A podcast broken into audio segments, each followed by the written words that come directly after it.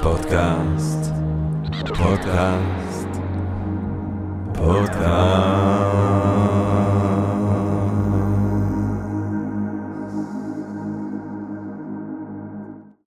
גבירותיי ורבותיי, ברוכות וברוכים הבאים לפודקאסט של הספרים הגדולים של Think and Read Different והמרכז האקדמי שלם. אני ג'רמי פוגל ואנחנו רוצים להתחיל עם רגע של הודיה.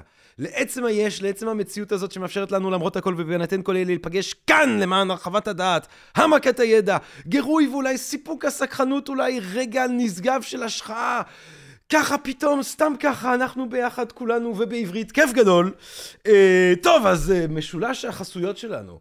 אה, מרכז האקדמי שלם, גבירותיי ורבותיי, אה, בירושלים, יש מקום כזה. מסתבר שיש מקום כזה, ירושלים, הוא מרכז אקדמי אה, שייחודי לסטודנטים מצטיינים הפועלים במודל ה-Liberal Arts, בהשחת אוניברסיטאות העילית, ומעניק השכלה רחבה ומעמיקה בנושאים רבים כמו פילוסופיה, היסטוריה, ספרות, מדעים, יהדות, אסלאם, כלכלה, מחשבה חברתית. שלם נותנים משקל רב לקריאה של ספרים. שימו לב, נותנים משקל רב לקריאה של ספרים, ספרות מופת, ספרים שלמים. מתחילים את הספר, קוראים אותו עד הסוף. אה, רעיון, רעיון מעניין. אה, וכמובן גם תודה לסקרינס, יש בינג' אחר, סקרינס, החצאות, אנחנו מצטלמים בסקרינס, יכולים להירשם בחימן, ואז לראות אותנו בחינם, ואז אה, גם להירשם לשאר התכנים וההחצאות. Think and Drink Different, רתחיתים, החצאות. בואו לאתר שלנו, thinkandrinkdifferent.co.il. טוב! אנחנו היום רוצים לדבר אה, על אחד מהגדולים, על אולי המהפכה, אחד מהמהפכות המשמעותיות בהיסטוריה של המדע האנושי. פרויד דיבר על שלוש מכות אה, בנרקסיסיזם האנושי. אה, אה, כמובן את קופרניקוס, 1543, אה, על תנועתם של גורמי השמיים. לא אנחנו במרכז מערכת השמש, אלא השמש במרכז מערכת השמש, המהפכה ההליוצנטרית. אנחנו לא במרכז, אנחנו בצד. המכה השלישית, פרויד אהב לחשוב שהיא המכה שלו, הארוגנטיות של המודע, אנחנו אפילו לא מודעים למה שמניע אותנו. ואז כמובן, ופרויד יש לומר כזה, אני דווקא הולך עם פרויד הדבר הזה, שפרויד עצמו מגיע לו אה, מקום של כבוד בכל רשימה שרק יכולה להיות, אבל המקום השני, אה, קופרניקוס, השלישי פרויד, השני דרווין, מוצא המינים 1859, והמשמעות באמת הפילוסופית האדירה של מוצא המינים, הוא שאנחנו חלק מעולם הטבע. זאת אומרת, אם עד לדרווין אהבנו לחשוב, אנחנו בני אדם, אה, שיש את ממלכת החיות עם האריה המלך והחמור החמור והשועל השועל, ואז יש קו אדום מאוד ברור, ובצד השני של הקו יש אותנו, ואנחנו קרובים יותר לדברים כמו אלים ולתבונה טהורה ולמלאכים ולנשמה. אה, אז בעצם דרווין בא ומוחק את הקו הזה. אה, ודרווין אמנם עדיין האמין אה, באל ובנשמה ובדברים מהסוג הזה, אבל הקו הזה מתחיל להיעלם, ואנחנו מתקרבים מאוד לעולם החי, לסכלה הזה, לבוץ הזה של העולם האורגני, שמתוכו אנחנו קמים, ובסופו של דבר אני חושב שזה באמת פגיעה כמעט אנושה, הייתי אומר, בנרקסיסיזם האנושי, עד היום, כי בסופו של דבר הסיבה לזה שכל כך הרבה אנשים מתנגדים לאבולוציה של דרווין, זה לא כי הם יודעים בכלל מה דרווין אומר, נכון? אני, אה, סבא שלי לא קוף. אה, מלכתחילה הקוף הוא לא סבא, הוא בן דוד, נשמות. אה, אבל זה לא בגלל שהם מבינים, או למדו, או טרחו להתעניין באבולוציה דרוויניסטית, שהיא אחת מהתורות המדעיות המוצלחות ביותר שנמצאות ככה בארסנל המדעי. זה קודם כל כי זה פוגע ב... הנרקסיסיזם שלנו. זה פוגע ברצון שלנו להיות נבדלים. ואני שואל, למה שנהיה נבדלים מהציפורים, או מהגנו, או מהטיגריסים, או מהנמרים, או מהפילים, או מהעצים? דווקא זה מאוד מרגש אותי להיות חלק, כמו שדרווין מראה, מהעץ היפה הזה של החיים. כדי לדבר על האיש הדגול הזה, על הספר המדהים הזה, גבירותיי ורבותיי, באמת אחד מהספרים הגדולים, אני שמח, מתחגש ומתגאה לארח כאן בפודקאסט של הספרים הגדולים את דוקטור אולה קלבנוב. דוקטור אל אולה קלובנוב, גבירותיי ורבותיי, אה, שהיא בעצם מנהלת מחקר אונקולוגי בתל השומר, אה, רפואה מותאמת אישית, היא מרצה במרכז האקדמי שלם. אה, על השאלות הגדולות של מדעי הטבע, על אבולוציה, על טכנולוגיה בראי מדעי הרוח. אה, דוקטור אולה קלבנוב עשתה תואר ראשון בביוטכנולוגיה ומדעי הסביבה באוניברסיטת או אה, תל חי, או זה ממכללת תל חי.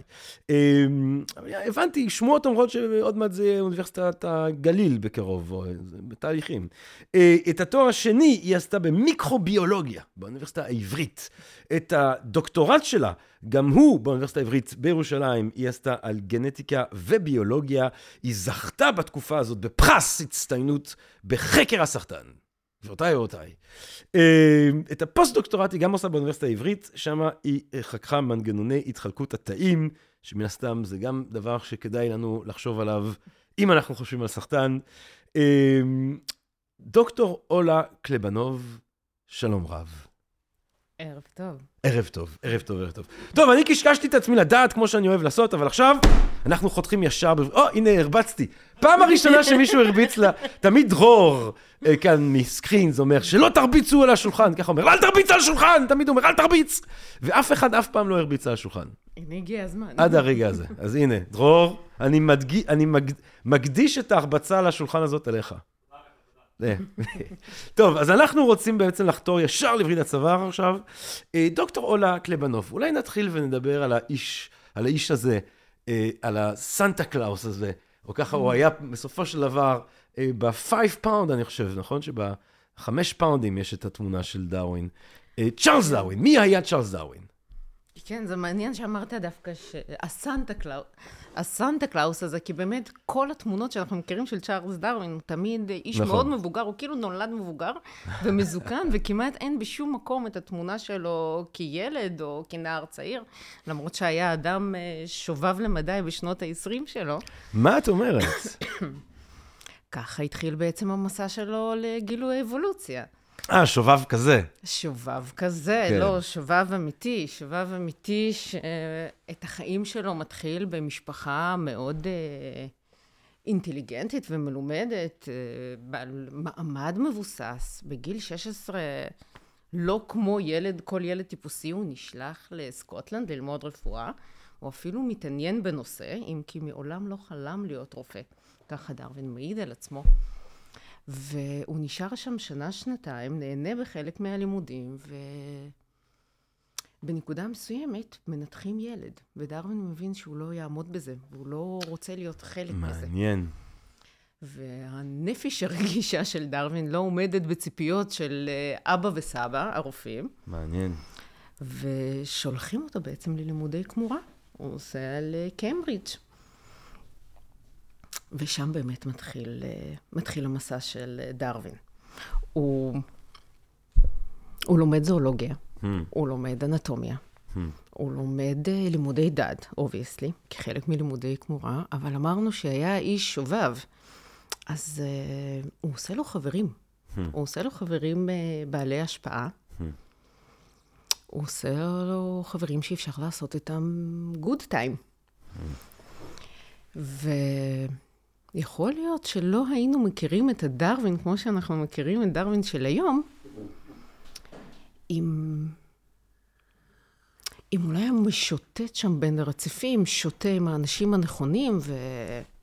ומקבל הזמנה מאוד מאוד מפתה להצטרף למסע, לספינת מסע, לחקור קצת את העולם. הביגל. הביגל, כן, אנחנו מגיעים לביגל. כי דווקא בנקודה הזאת, הוא לא כל כך רוצה להיות כומר. אמרנו ברירת מחדל. והוא רואה בביגל הזמנה לברוח בעצם, קצת למשוך את הזמן. כן. והוא מוצא חן, הוא מאוד מאוד מוצא חן בעיני אה, הקפטן של הספינה, פיצרוי. אה. עד כדי כך שהוא אפילו מזמין אותו לישון איתו באותו חדר. זו הקרבה מאוד משמעותית, כן? כן. החדר בספינה. למה? כי אה, צ'ארלס, אם לא היה כזה בחדר כללי יותר, זה שהוא מקבל, אני מניח שהחדר של פיצרוי היה יותר אה, שווה. כן. בוודאי, אנחנו בכל זאת מדברים פה על החדר של הקברניט, לעומת... אה, כן.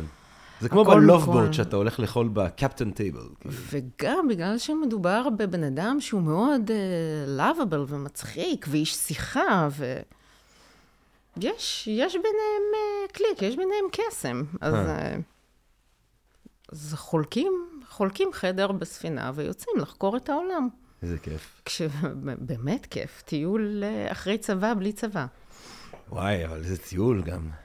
אה, לגלפגוס. אה, לפני הגלפגוס, גלפגוס בכלל לא היה מרכז. הר- הרעיון היה לעקוף את כל כדור הארץ, זה החלום המושלם. מסביב לדרום אמריקה, אפריקה, אוסטרליה, ואי שם, כן. די בתחילת המסע, הם אה, יורדים גם בגלפגוס. אגב, דרווין אומר שהוא ראה את הגלפגוס מ- מהספינה, והאיים האלה לא עשו עליו רושם.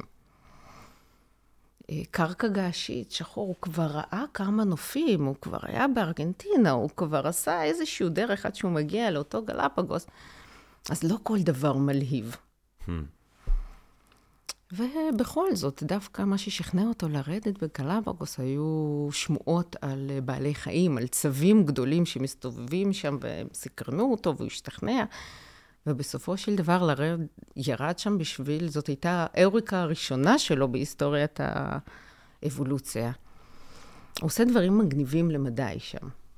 קודם כל הוא רואה את הצווים, הוא מתרשם מהם, והוא ממש נלהב מזה שמתוך 13 איים קטנטנים, בכל אי הצו נראה מעט שונה. ואז הוא גם מנצל הזדמנות, והוא רוכב על הצווים, ותופס איגואנות בזנב, ורודף אחרי איגואנה יבשתית, זורק איגואנה ימית לים, הוא עושה כל מיני דברים. ו... וכל זה לא סתם. הוא אפילו עוקב שם אחרי פרות, והוא רואה שם משהו יוצא דופן, משהו שהוא מקדיש לו מחשבה אמיתית. כעבור חמש, שש שנים, אז הוא באמת שם דגש ורואה מחשבה אמיתית, הוא שם לב שפרות שהביאו אותם פיראטים, מפחדות מבני אדם. לעומת זאת, שאר הבעלי החיים, אין להם שום פחד. ועם המחשבה הזאת הוא נשאר ומאבד את המחשבה כעבור חמש-שש שנים. הפרות מפחדות מבני אדם, והאיגואנה הימית, שלא ראתה בן אדם שלא לחייה. ראתה בן אדם, ואין לה שום סיבה לפחד, שהיא לא יודעת שיש לה סיבה לפחד, נכון. אז היא מאפשרת לו ממש להתקרב אליה. היא מאפשרת לה, או ממש לדחוף אותה לתוך הים. הצו מאפשר לו לרכב על השריון. הח- החיות הענקיות ומה מה זה האלה- הפרות, מה זה הפרות האלה שהן תקועות שם? הם אה, הגיעו עם הפיראטים באיזשהו שלב, פיראטים גם גילו תאים קצת לפני אה, דרווין, ופיראטים הביאו לשם בקר, שיהיה להם בקר למאכל. זאת אומרת, יש שם, יש שם באיים האלה גם בני אדם? היו שם מעט בני אדם, היו שם, היו שם מבקרים אה, מזדמנים. אבל אה, דרווין עוזב את האיים, הם ממשיכים במסע. ממשיכים לאוסטרליה, ממשיכים לאפריקה, ומסע שאמור להימשך אה, שנתיים, שלוש, הופך להיות לחמש. ובסיום של החמש שנים האלה, דרווין חוזר ללונדון, מלא בתובנות. והוא טוען ששם במסע הוא יוצא כבן אדם שובב וסקרן ורוצה לחקור טבע. והוא רוצה סוף סוף לממש את הייעוד האמיתי שלו. הרי דרווין, מה שהוא באמת רצה לעשות זה להיות גיאולוג. מאז ומתמיד מה שסקרן אותו זה השכבות של הקרקע. זה סקרן אותו עד כדי כך שכשאנחנו מדברים פה עכשיו על הספרים הגדולים, וכשדרווין עולה על ביגל, הוא בוחר לקחת איתו שלושה ספרים. אז הראשון זה, obviously, הוא לוקח את uh, תנ"ך, והספר השני הוא לוקח uh, ספר uh, של ליאל, חבר, הגיאולוג שלו,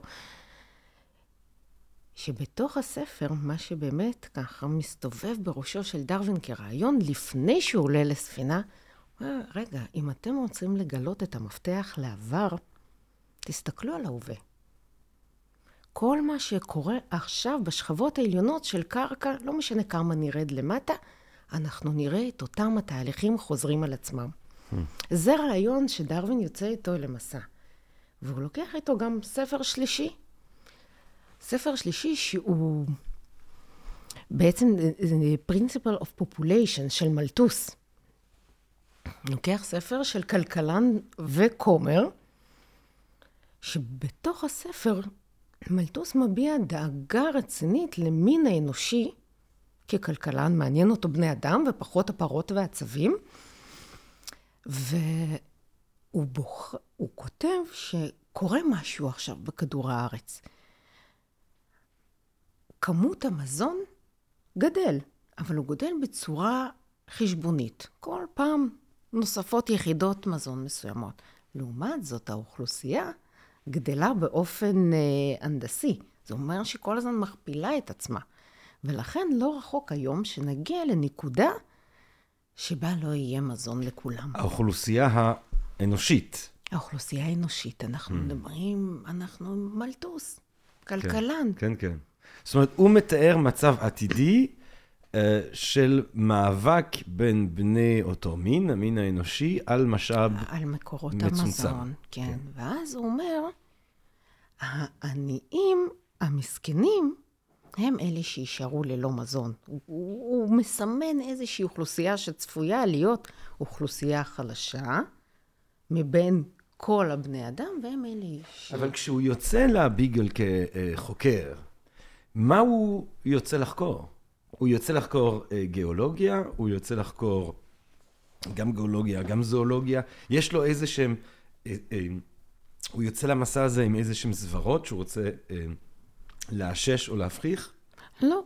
הוא יוצא בעצם ללא מטרה מוגדרת. הוא, רוצה, הוא יוצא לתעד. הבנתי. הוא, זה המטרה שלו. הבנתי. לנהל יומן, לאסוף מאובנים, לשלוח המאובנים למוזיאון הבריטי למדע בלונדון. אמ, וזה מה שהוא עושה.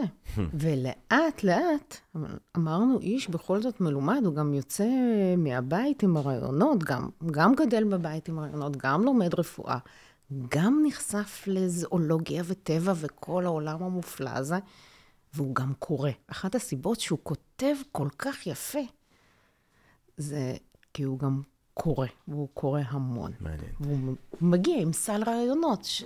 ו- ומתי הוא מתחיל? כי הרי הרעיון של האפשרות של טרנסמוטציה בין מינים, או שמינים יתפתחו ממינים אחרים, הוא רעיון אה, די עתיק. אני רוצה פה לציין, אה, כמי שקצת אוהב פילוסופיה, את אנקסימנדרוס.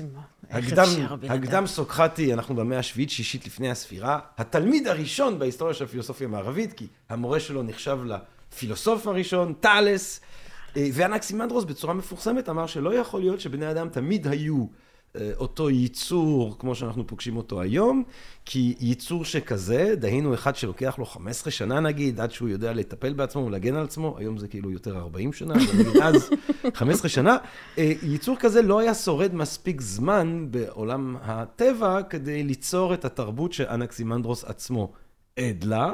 ועל כן, פעם בני אדם היו צריכים להיות שונים, ורק בהדרגה להתפתח לכדי הצורה שיש להם היום. עכשיו, כמובן שהסיפור שאלכסנדר מנדרוס מספר הוא מאוד שונה מהסיפור שאנחנו מספרים היום. אני חושב שבני אדם פעם חיו בתוך דגים, נכון. ואז כשהם יצאו היה להם, אה, כמו לצו, היה להם... אה, שריון. שריון, ואז השריון...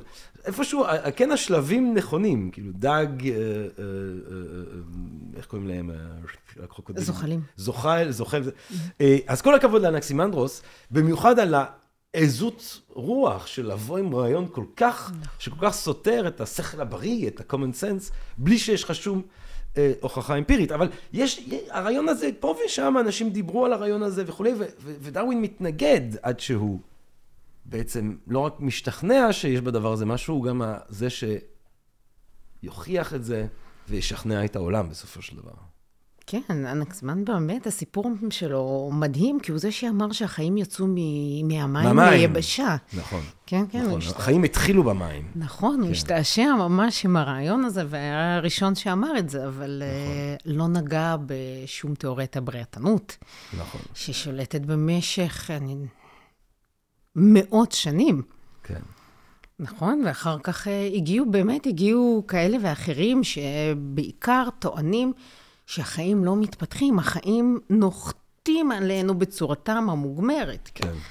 כמו במצרים, פתאום עולה הנהר על גדותיו ומופיע צפרדע, כן. באירופה, באסמים, פתאום מופיעים עכברים עם קצת הגשם. בו, קצת, מאה שנים לפני שדרווין מדבר על תיאוריית המוצא המינים שלו, או על תיאוריית הברירה הטבעית, אה, עדיין מאמינים שהמינים לא משתנים, המינים מגיעים כמו שהם. בעצם קצת עם למרק, אני חושבת, מתחילים לדבר על זה שמינים אה, משתנים. למה בזמן הביגל דרווין הופך להיות בעצם למדען? כי הוא אוסף כמות אדירה של אה, עדויות. ובסופו של דבר זה, זה סוגר אליו. אין לו ברירה, זה- אלא אין, אין לו אלא ברירה, הוא. רואה משהו, זה, זה בעצם לא היה לו רגע אחד של אריקן, לא... אלא מעין אה, עשרות רגעים כאלה שהכל מצטבר בסופו של דבר ל... לתמונה מלאה. הרי לוקח לו 25 שנה לכתוב את הספר, חמש שנים של מסע, חמש שנים שבהם הוא מגיע לאנגליה ואוסף, אה, פשוט אה, מנתח את התצפיות שלו, בלי לגמרי לדעת מה ייוולד שם. ועוד 15 שנה זה מלחמות פנימיות שלו עם עצמו, להתמודד עם הפחדים שלו, מלפרסם את מה, ש... את מה שהוא מבין, את מה שהוא מגלה. פה יש את הסיפור המעניין הזה, ו- שחלק ממה שמדרבן אותו, זה הבנה שיש בחור בשם וואלאס. שכותב לו מאינדונזיה, אם אני לא טועה, מאינדונזיה, ו- כן. ובעצם אה, דרווין מבין שאם הוא לא יפרסם מהר, אז מישהו אחר הולך לחטוף את הבכורה. אה, דרווין, האמת היא, לא תכנן בכלל לפרסם את זה בימי חייו, בכלל. אמנם חברים טובים שלו ידעו שזה מה שהוא כותב, הם אפילו קצת התערבו לו והעירו לו על מה שהוא כותב אה, בתוך הספר התצפיות, אבל הוא חשב שהוא יכתוב מעין ספר, מעין טיוטה. זה אפילו היה גמור, 230 עמודים כתובים היטב, וכסף, והוא היה אמור לפרסם את זה, אשתו הייתה אמורה לפרסם את זה אחרי מותו. אם באמת הוואלאס, שזה, שהבחור אה, לא משכיל, הוא כן נחשב כחוקר טבע, כי גם וואלאס היה מסתובב בעולם, נסע לאמזונס, אם, אם, אם אני לא טועה, אפילו חצה את האמזונס. ואסף מאובנים, ועבר אה, תלאות, ועם המאובנים האלה, איבד אותם פעם אחת בתביעה, וחזר על המסע שוב פעם. ופתאום יורדות לוואלאס אותן תובנות כמו לדרווין. דרווין, איכשהו, על אף שהוא אומר דברים שרבים לא אוהבים את הדברים האלה, איכשהו הצליח להישאר מדען מוערך בימי חייו. אז מה בעצם הספר? בוא נדבר על הספר בואו הזה. נדבר על הספר. מוצא המינים, The Origin of the Species. The Origin of the Species, נכון, זה שם שבעצם מתקבע לא במהדורה הראשונה. היו המון מהדורות אה, לספר אשכרה, מה היה. השם ש- מה היה- מה היה המהדורה הראשונה? אה, היה שם מאוד מאוד ארוך. וואלה. תסלח לי אם אני לא כן. זוכרת כרגע את כולו, אבל, כן. אני אומר, דרור יגיד לנו. אבל דרור יגיד לנו. דרור! תודה. אה, דרווין אה, זכה בחייו לראות שש מהדורות, Hmm. כשבכל אחד מהם הוא דייק ודייק כל אחת מהם. עם וואלאס למעשה הוא כותב רק מאמר.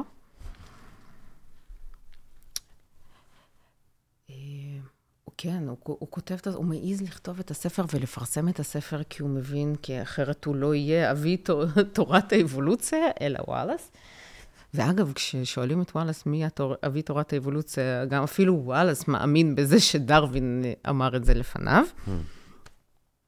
אה, המאמר שלהם כן, לא וואלאס, הצליח. סתם, כי, כי וואלאס צריך לסמוך על זה שדרווין בעצם חשב את המחשבות האלה לפני שהוא קיבל את המכתב הזה מוואלאס עצמו.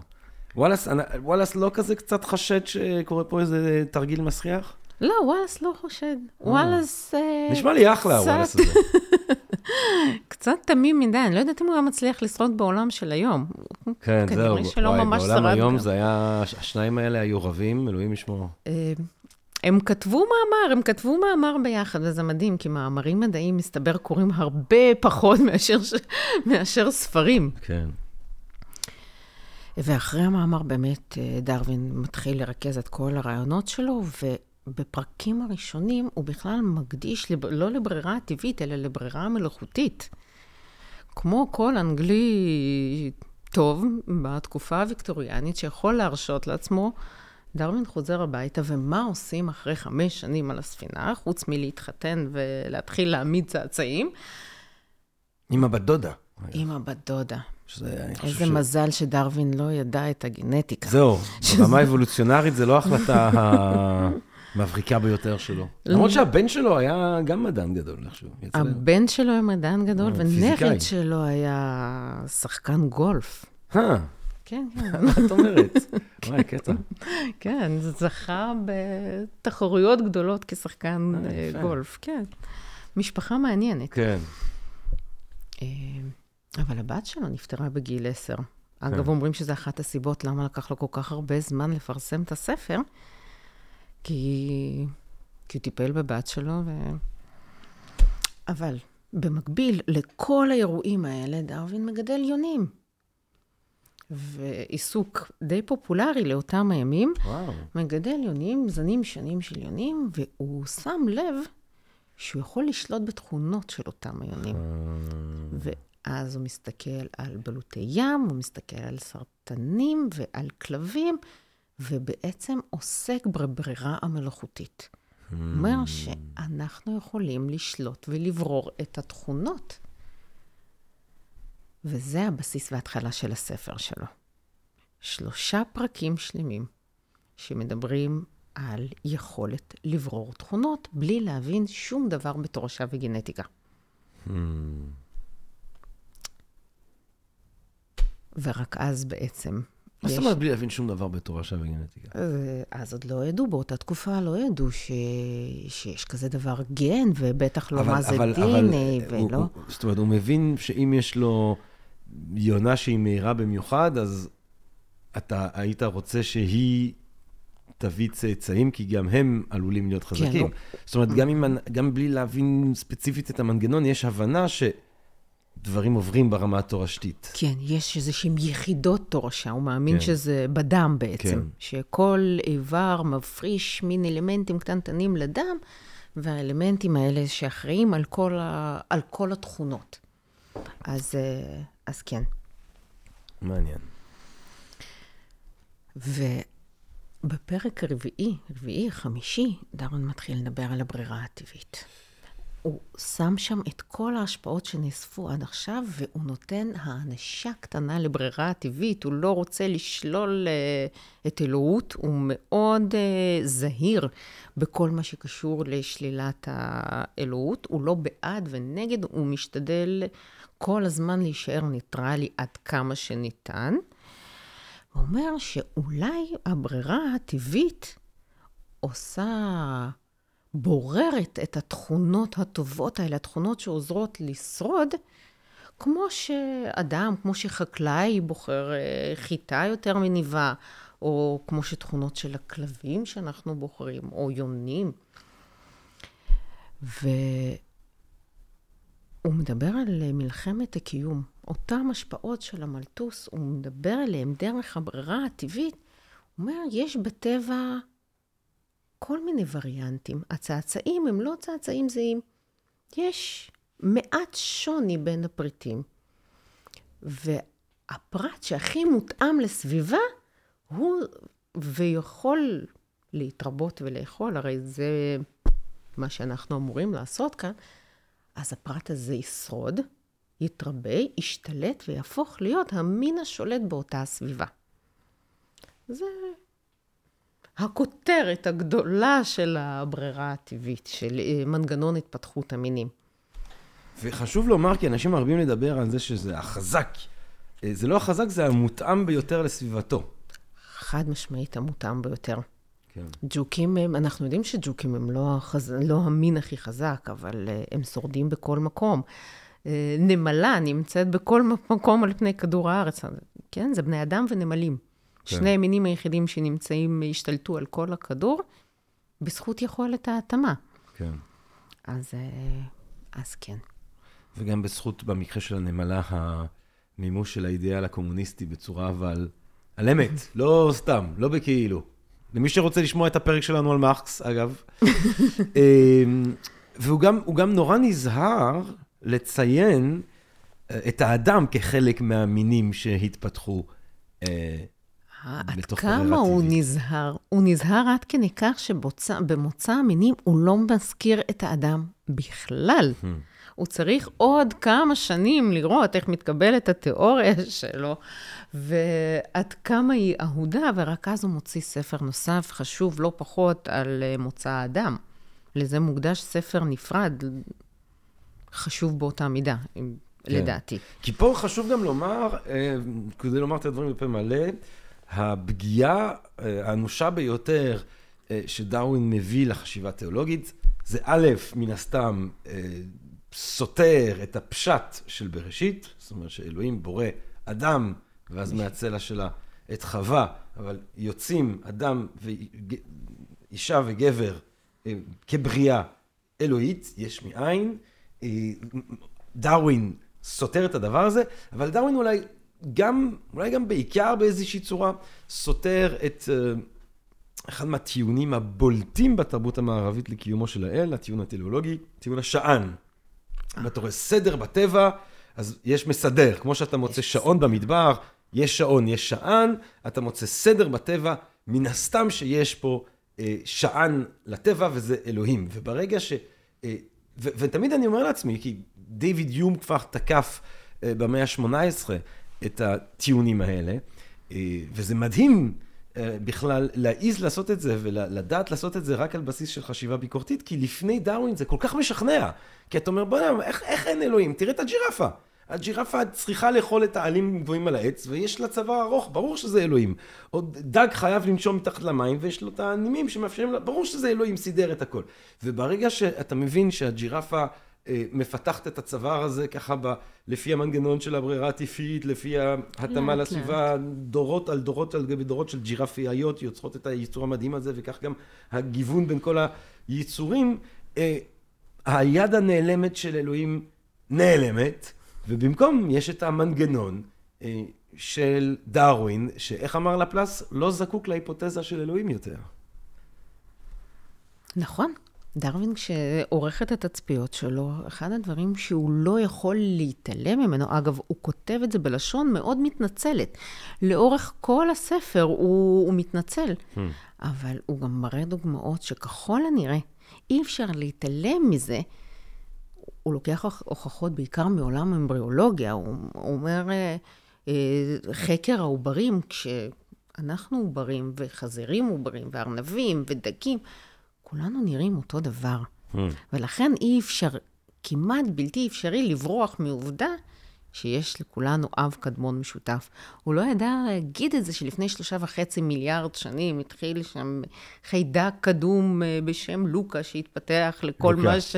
לוקה. My name is לוקה. I live on the second floor three and a half billion years ago. פחות או יותר הלוקה כן, הזה. כן. אבל אה, כן, דרווין מדבר על מוצא משותף ועל זה שאנחנו מתפתחים, על כך שבעצם יש לנו וריאנטים, הווריאנט הכי מותאם הוא זה שהשתלט על מקורות המזון, מקורות המחיה.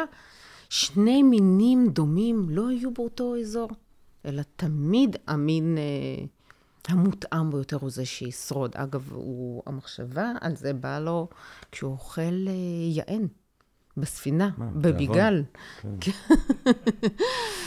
אה, כן, כל אחד במחשבות שלו בזמן הארוחה, אבל uh, הם אוכלים יען, ובאמצע של אכילת היען, הוא רואה שהיען הזה הוא קצת שונה מעיינים ה... מ... יענים? נראה לי. דרור. דרור!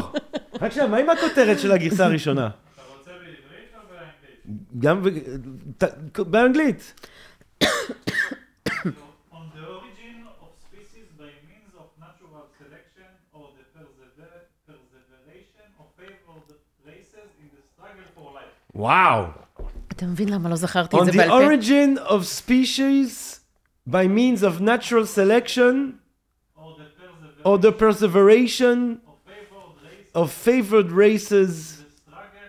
in the struggle for life. This is it. יפה. דווקא אני אוהב את הכותרת הראשונה יותר. זה, אני, אוהב, אני מאוד אוהב כותרות אה, ארוכים גם ככה. אבל מאז, זאת כן. המגמה, לצמצם ולצמצם. חוץ מבורת. נכון? הסרט בורת במקור זה make movie for uh, great culture קזחסטן. אז, אה, אז הוא אוכל את האובה ביגל, הם אוכלים שם את ה... אוכל את היען, הוא אומר. אה, היען- של נקודה א' בדרום אמריקה הוא שונה מאוד מנקודה ב' בדרום אמריקה. כביכול שני מינים, אבל אה, השני מינים האלה לא נמצאים באותה נקודה, הם נראים שונה. ו- ובאמת, הוא פה הוא חוזר למלטוס. ואגב, המלטוס הזה עושה לו בעיות מאוד רציניות, כי מלטוס, אם אפשר לקפוץ קצת נושא, וזה... בטח. ייהנים. לא, מלטוס אומר שהעניים, הרי נכון. אני חושבת שהעניים הם אלה שיכחדו, ולכן חייבים לפעול לטובת הכלל. זה הערך הנעלה, לפעול- לפעול לטובת הכלל. ומה דרווין רואה בתצפיות שלו? שאין כזה דבר טובת הכלל. שכל אחד לעצמו, כל מין לעצמו, וכל אינדיבידואל שמ- בזה המין. וכל אינדיבידואל לעצמו, וכל וריאנט לעצמו, כשכל אחד רוצה לשרוד. עכשיו, זה גם הרגע שאנחנו צריכים לדבר אולי על אה, השלכה, זאת אומרת, כי ברגע שהתרבות המערבית אה, תקבל, ואני אשמח לדבר על ה... על, על, יודע שבמשך תקופה הוא שכנע, ואז הוא הפסיק לשכנע, ואז הוא חזר לשכנע דרווין. אבל צריך לזכור שדרווין מתאר מצב של מצוי ולא רצוי, אה, ונהיה מאוד מסוכן ברגע שאנשים לוקחים את המצוי, את האופן שבו דרווין מתאר את ההתפתחות של המינים, והופכים את זה לאיזשהו סוג של אידיאל שבהכרח גם החברה האנושית צריכה לדגול בו. אני, אני מדבר על אידיאולוגיות שכאילו אה, מאפיינות את עצמם, או מצדיקות את עצמם לפי פרשנות מוטית ברמה כזאת.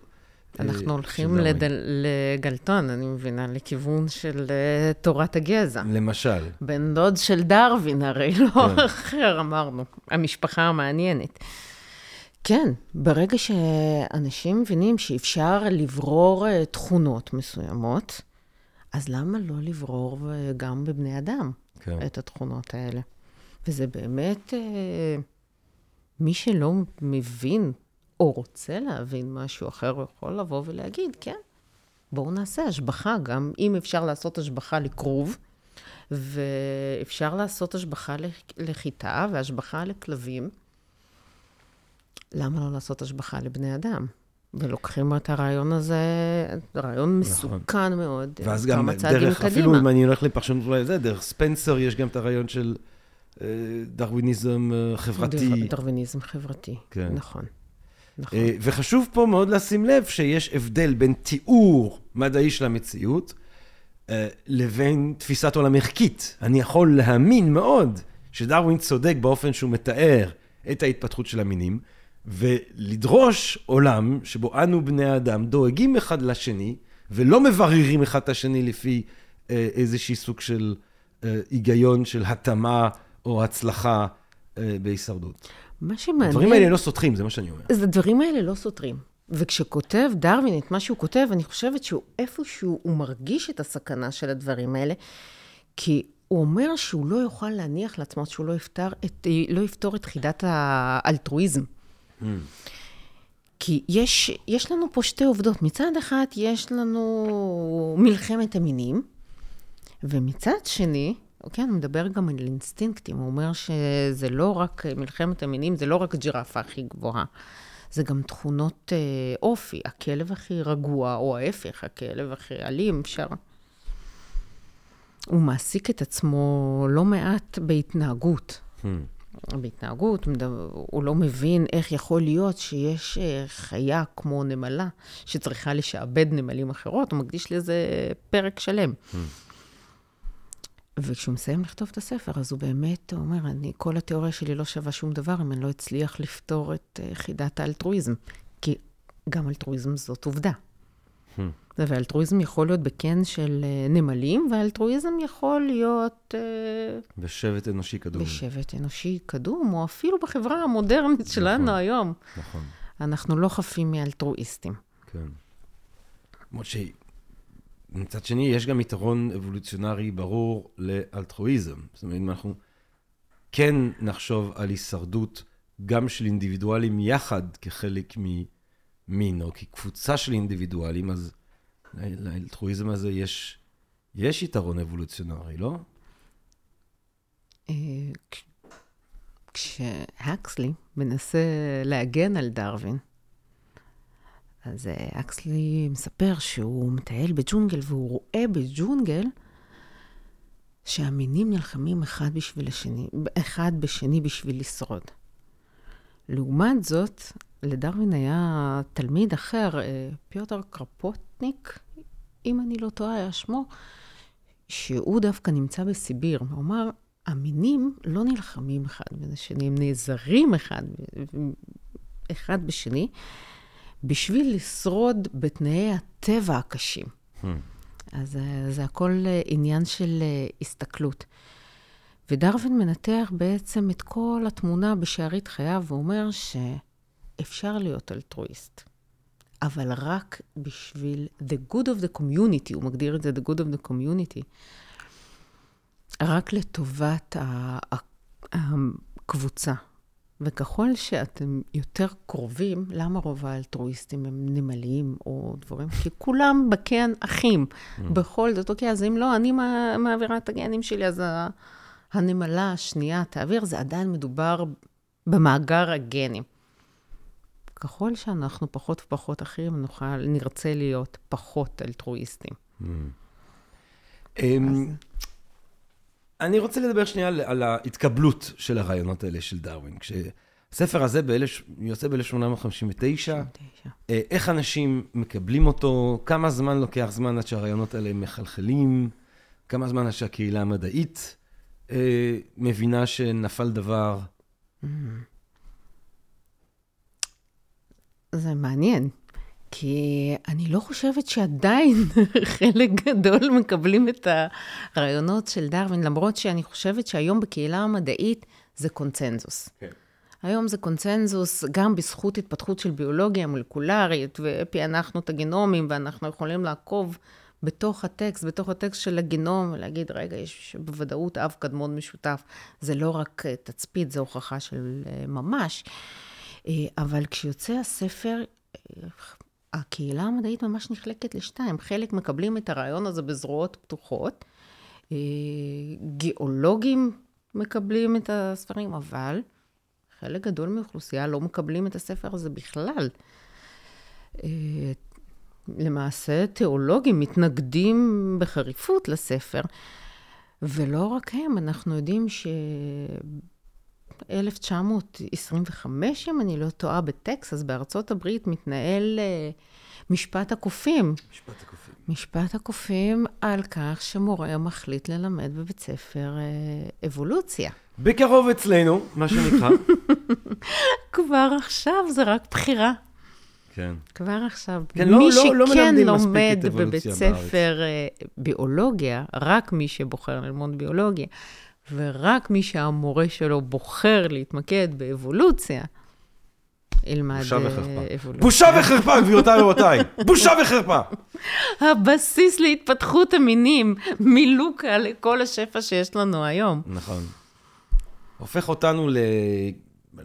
אנו הישראלים, למין לא מותאם לתקופה. אה, זה בידיים שלנו. אמ, אני רוצה לשאול, איפה אנחנו בדיעבד, כי דיברת על ההתפתחויות בביולוגיה, וזה שאנחנו היום לא רק יכולים לתצפת בהתפתחות של המינים ולשער שיש פה אב קדמון, אלא ממש ככה לקחו את הגנום, כמו שאמרת. מה ב-150 שנה מאז פרסום הספר, מה בתורת האבולוציה היום מראה, איפה, איפה האבולוציה במאה ה-21, חקר האבולוציה של המאה ה-21, דייק ותיקן את דרווין.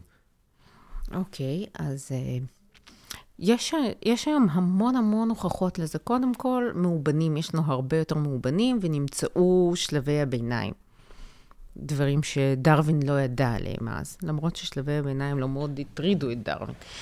Uh, אנחנו יודעים על נדידת הקרקעות ועל האמבריאולוגיה ראינו הרבה יותר עוברים, ראינו הרבה יותר, מכירים הרבה יותר תהליכים, אבל הכל זה זניח לעומת החקר ה-DNA. הכל נמצא בתוך מולקולת ה-DNA. אה, אנחנו יודעים שהמולקולת ה-DNA זה... זה הספר, זה ספר החיים שלנו. כל מה שנכתב אי פעם, כל מה שירשנו אי פעם, החל מהגנים של אותו לוקה, דרך דינוזאורים, דרך הג'ירפות, דרך... הכל נמצא בתוך ה-DNA. אז אנחנו יכולים בעצם לקרוא בטקסט של ה-DNA, שכתוב בארבע אותיות מופלאות, ו... ולראות עד כמה אנחנו דומים. ככה אנחנו מגלים שבעצם נכון להיום, כשכבר לא קיימים מיני אדם האחרים, אנחנו דומים לשימפנזה ב-99 אחוזים. אז מכל הגנומים שיש על פני כדור הארץ, אנחנו קרובי משפחה הכי קרובים של שימפנזה. למה? כי זה, כי זה כתוב בספר החיים שלנו. וכן הלאה. ככה אפשר ללכת אחורה שוב ושוב, למצוא את אותו אב קדמון משותף. ו... אז את אומרת שאנחנו מדייקים, אנחנו יודעים להוסיף חלקים שהיו חסרים אה, בתמונה שדרווין מציע במוצא המינים, אבל ברמה העקרונית, אה, מה שהוא מזהה שם עדיין תקף, למיטב עדיין תקף. לא נמצא אף טעות ממה שהוא הציע שם. וכל המינים החדשים שמוצאים, כל הזנים החדשים, הם מצליחים להיכנס בדיוק לנקודות שדרווין שזה הדבר החשוב לומר לאנשים שאומרים שאבולוציה זה רק זוועה, אה, שתורת האבולוציה של דרווין לא מוכחת, זה צריך להגיד שכל דבר שאנחנו מוצאים רק הולך וממשיך לאשש את התורה המדהימה הזאת. כל מאובן וכל אה, שלד וכל אה, התפתחות מדעית שמאפשרת לנו להשלים את התמונה, אכן משלימה את התמונה. נכון. כל ירידה לשכבות של קרקע, כל פתיחה של דיני, ההבנה היום בעצם עם מנדל, מגיעה ההבנה של התורשה, איך באמת מורישים את התכונות. אה, והכל מתיישב. בעצם היום אין אף אחד שמצליח להפריח את תיאוריית האבולוציה. Hmm. אולי אפשר לקרוא לה תורת האבולוציה סוף סוף. תורת האבולוציה. תורת האבולוציה. מה, מה, מה את עושה אז עם ההתנגדות הזאת? מה, איך, איך בעינייך צריך להתמודד עם ההתנגדות שיש אה, לתורת האבולוציה? שיווק והסברה. כן. אנחנו יודעים היום שהכל נמצא שם. אני חושבת שבאמת את, את, את תורת האבולוציה לוקחים נורא אישית. אנשים נורא נורא לא רוצים להיות... אה, לא רוצים להיות הצאצאים של קופים, אז צריך להסביר שבעצם הקופים הם בני דודים שלנו, שיש לנו אב קדמון משותף עם קופים. בסדר, מותר לנו, יש לנו גם אב קדמון עם החיידקים. נכון. אז uh, צריך להתחיל ללמד. כן. צריך ללמד ושצריך לספר, והכי טוב, להראות הוכחות. וזה גם סיפור מעורר השחאה בסוף. זה, זה השותפות גורל עצם החיים שיש לנו עם כל המינים שחיים, ועם כל העצים והצמחים, וכל מה שחי ונושם. כן. היות, היות ואנחנו יודעים שבעצם אירוע החיים, אה, הוא, הוא, כל מה שחי היום מתחיל מאותו האירוע. אה, נכון. אה, אותו לוקה. אז אולי אנחנו כמין האנושי צריכים קצת צניעות, להפסיק לחשוב. שאנחנו מעל כולם, ואז אין לנו הרבה יותר קל לקבל את זה שאנחנו חלק מבריאה, ולא... הנעלה שבסולם. מה, מה, מה, מה בתורה הזאת, או בספר הזה, במוצא המינים, אה, זה כאילו רגע של מעורר לחש לך, שאת אומרת, וואו, כאילו. Hmm. זה אוסף רגעים. כן. זה האינסטינקטים. Mm-hmm. זה הפרק של אינסטינקטים שדרווין חוקר, והוא אומר, רגע, אפשר ללקט את התנהגות. ההתנהגות היא מורשת. לא רק uh, צבע עור, צורת עיניים. זה, זה פרק שכובש אותי, ההסתכלות באמת על, על הדבורים ועל הנמלים ועל איך דבורה יודעת לבנות את, בצורה הנדסית המושלמת, מי לימד אותה, איך ציפור יודעת uh, לעוף, תהליך הלמידה. זה שגם היכולת ללמוד זה משהו שהוא מורש. האמת שלפעמים יש התנהגויות אינסטינקטיביות של בעלי חיים שהן נורא מורכבות, וזה פשוט מטורף, זה פשוט מפליא. נכון. אפילו האינסטינקט האימהי של כל מיני uh, בעלי חיים. או אפילו אינסטינקט אנטי-אימהי, זאת אומרת, יש את הציפורים האלה ש... הקוקיות?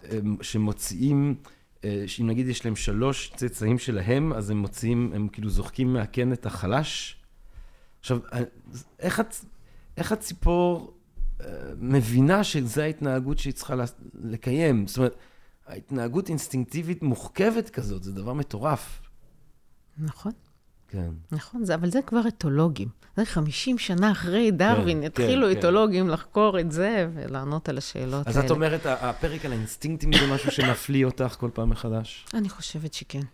הדבורים, חושב- הנמלים? ה- הדבורים, כן, שדווקא הם, כשהם חיים כ- כברירת שערים, בכל זאת מעדיפים להיות קצת פרזיטים. Hmm. אז, אה, אז אם הם יכולים להרשות את לעצמם את זה, ואם הם אומרים, אז איפה זה יפגוש אותנו בחברות אחרות שהן לא כל כך אה, גנטיות כמו, כמו דבורים ונמלים? זאת אומרת? אני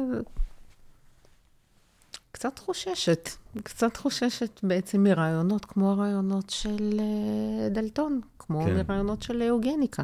כן. זה, זה הח- החשש האמיתי.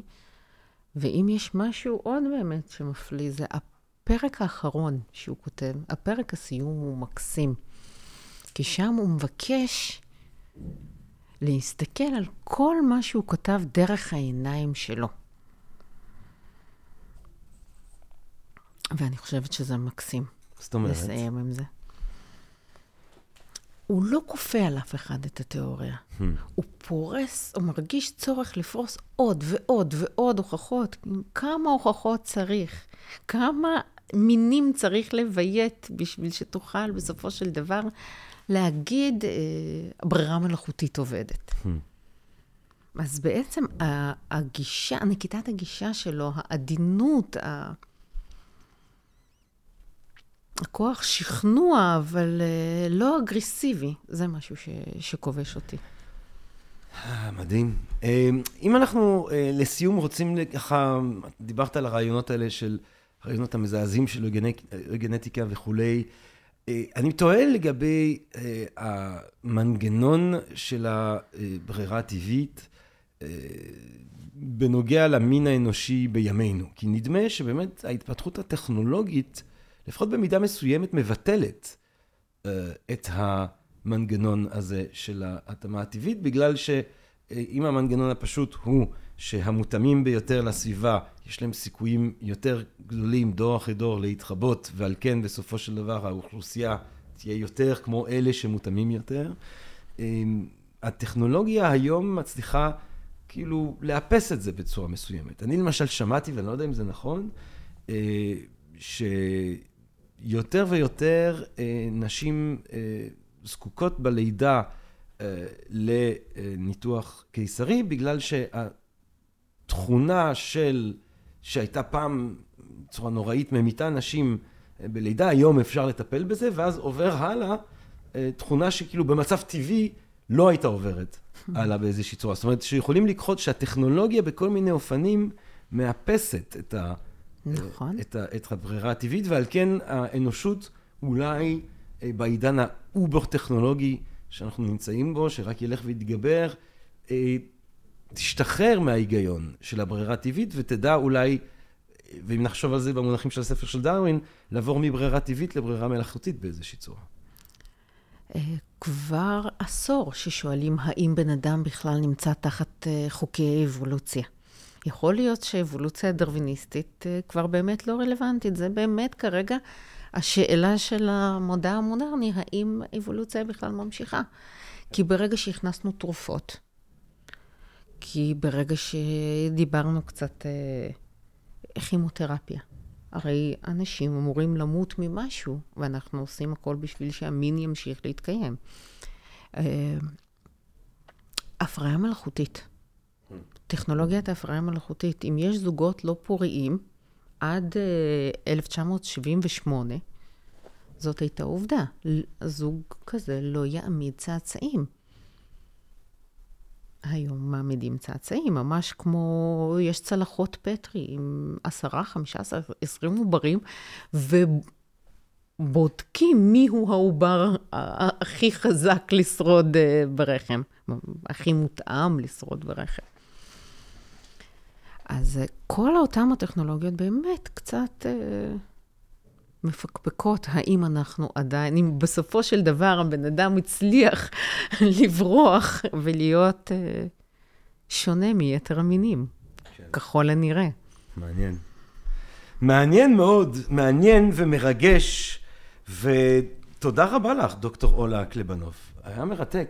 תודה רבה לך. היה ממש מרתק. כיף להיות ואני פה. רוצה ממש להודות לך שבאת וככה שיתפת בנדיבות מהידע שלך והחוכמה שלך והמחשבה שלך על אחד באמת מגדולי הספרים, מוצא המינים של צ'ארלס דרווין, 1859. וברוכים הבאים לאנתרופוקן, עידן גיאולוגי חדש, לגמרי. שאנחנו זוכים לחיות בו. אה, זוכים, סימן שאלה, סימן שאלה. נדע בהמשך. נדע בהמשך. אה, נדע אם נספיק להתאים את עצמנו לדבר הזה. תודה רבה לך, דוקטור אולה קלבנוב. תודה רבה לכם, לקהל הקדוש שלנו כאן בפודקאסט של הספרים הגדולים של Think and Read Different ומרכז האקדמי שלם. אני רוצה להודות לכם מאוד, מקווה שאתם נהנים מהפרקים שכבר הקלטנו, מאלה שבעזרת השם אנחנו נמשיך להקליט. ומה אני אגיד לכם בינתיים? תתאימו את עצמכם לסביבה שלכם. אה, או שאם זו סביבה שהיא ממש נבזית מבחינה מוסרית, אז אל תתאימו את עצמכם לסביבה שלכם, כי יש לנו כבני אדם, אמנם אנחנו צאצאים של ההיגיון של האבולוציה, אבל אנחנו לא, אבל יש לנו ברירה. אבל יש לנו ברירה גם אנושית ברירה. ומוסרית, והדברים האלה אה, לא סותרים אחד את השני. זה שדרווין צודק בנוגע לעבר שלנו, לא אומר שהוא קובע, אה, שההיגיון הזה קובע את הקיום המוסרי שלנו. שם יש לאדם אחריות, שהיא לא אה, נגזרת אולי בהכרח רק מהתורות המדעיות, נכונות ככל שיהיו. אה, ומה אני אגיד לכם? רק בריאות, רק אהבה רבה, ונשתמע. תודה רבה. פודקאסט, פודקאסט, פודקאסט.